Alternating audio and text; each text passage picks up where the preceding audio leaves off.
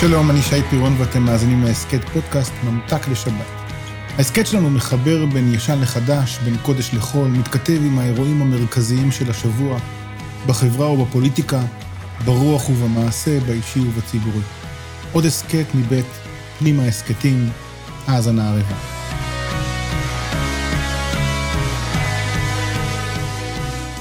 אלו ימים קשים. פילוג קשה הוביל לכמעט קרע לאומי. הרוב, שהתרכז באזור הגליל והשומרון, קרא לעצמו ממלכת ישראל. הוא היה מורכב מחברי עשרה מתוך 12 השבטים. עוד קודם לכן, קמה באזור ירושלים ממלכת יהודה. בשיאה של המחלוקת היו בית מקדש ומשכן, ומוסדות שלטון כמעט נפרדים. ואחר כך גם היה מלך, מלך אחד ליהודה, ומלך אחד לשבטי ישראל.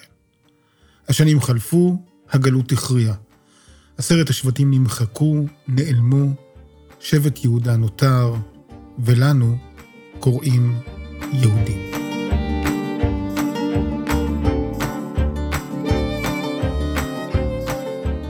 נחזור להתחלה. יהודה היה הבן הרביעי של לאה.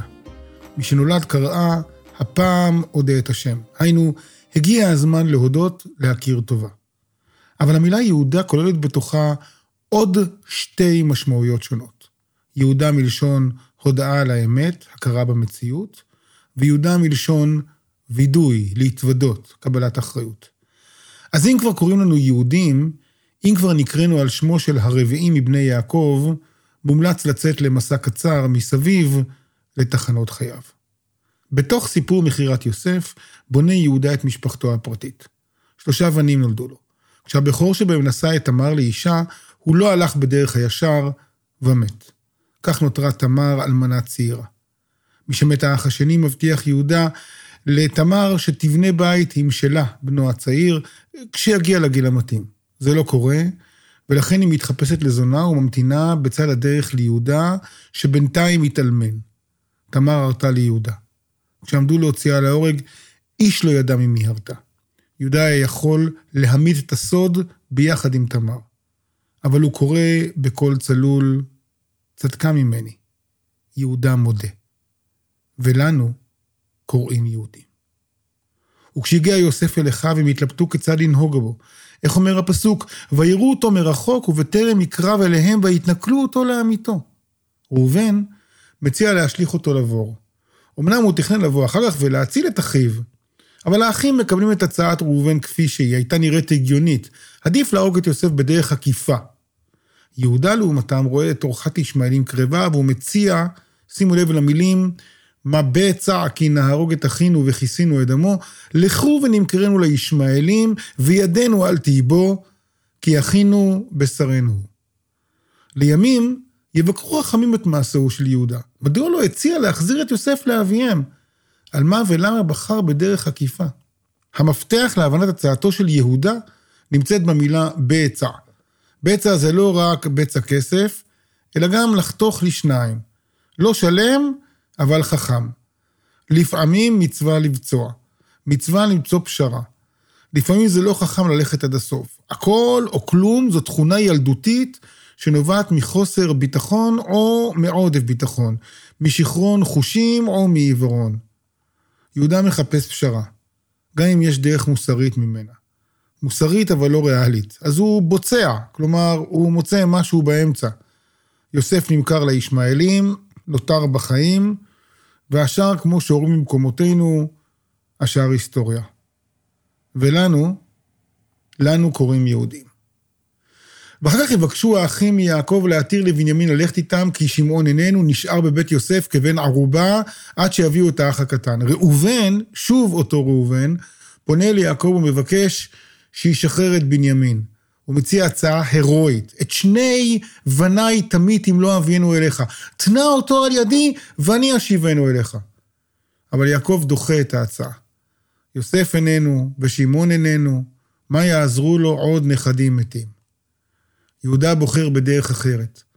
הוא לא מדבר על בניו וגם לא על המוות. איך הוא אומר? שלחה הנער איתי ונקומה ולנחה ונחיה ולא נמות, גם אנחנו, גם אתה, גם טפנו. ואיזה מילים מופלאות אומר יהודה, אנוכי אערבנו, מידי תבקשנו, אם לא אביא אותי אליך, והצגתיו לפניך, וחטאתי לך כל הימים. יהודה לוקח אחריות. בלי מוות. עם חיים שיש בהם משמעות. השבת, בעזרת השם, נקרא בפרשת ויגש. ברגע האמת, יהודה מתייצב לפני יוסף. באותנטיות, במידת אמת שאין בה פשרה, ובכוח וידוי עילאי, הוא מצליח להחזיר את המשפחה המפולגת למסלול של חיים משותפים. יוסף לקח את בנימין בשבי, ויהודה בשם האחריות תובע את הילד בחזרה. כי עבדך ערב את הנער מאם אבי לאמור, אם לא אביאנו אליך וחטאתי לאבי כל הימים. במילים פשוטות, הבטחתי ולכן אקיים. הוא בוחר במילים חדות קטר, כי איך אעלה אל אבי, והנער איננו איתי, פן אראה ורע אשר ימצא את אבי. ולנו, לנו בעקבות אותו יהודה, קוראים יהודים.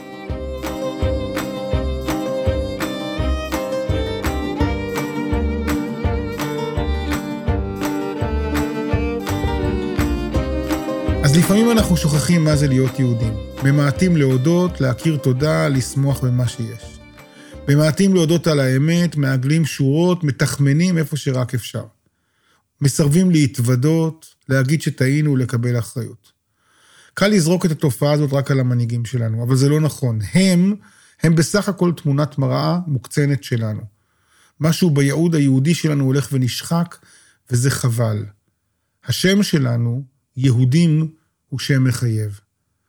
משקמה מדינת ישראל, היה צריך מייסדה דוד בן גוריון להכריע מה יהיה שמה, יהודה או ישראל. הבחירה בשם ישראל הייתה גם מפני שהיא מחזירה אותנו לאבא, ליעקב, שנקרא גם ישראל. יעקב היה אביהם של 12 שבטים, הם היו שונים, הם היו אחרים, אבל הם היו בנים של אב אחד. אחרי הגלות, אחרי הפיצולים והפילוגים, אנחנו רוצים לחזור למשפחה של אבא. לימים שבהם 12 אחים ידעו לחיות יחד. אצל יעקב זה קרה פעמיים, בראשיתה של המשפחה הצעירה ובאחריתה. בפרשה שלנו, אחרי שיהודה הודה, התוודה ואמר תודה, חזר השלום לבית ישראל, והפכו האחים כולם להיות שוב פעם בני ישראל. לא מדינת יהודה ואפילו לא מדינת יעקב, כי היא מדינת ישראל. מפני שהשם הזה מבקש להציב שאיפה גדולה.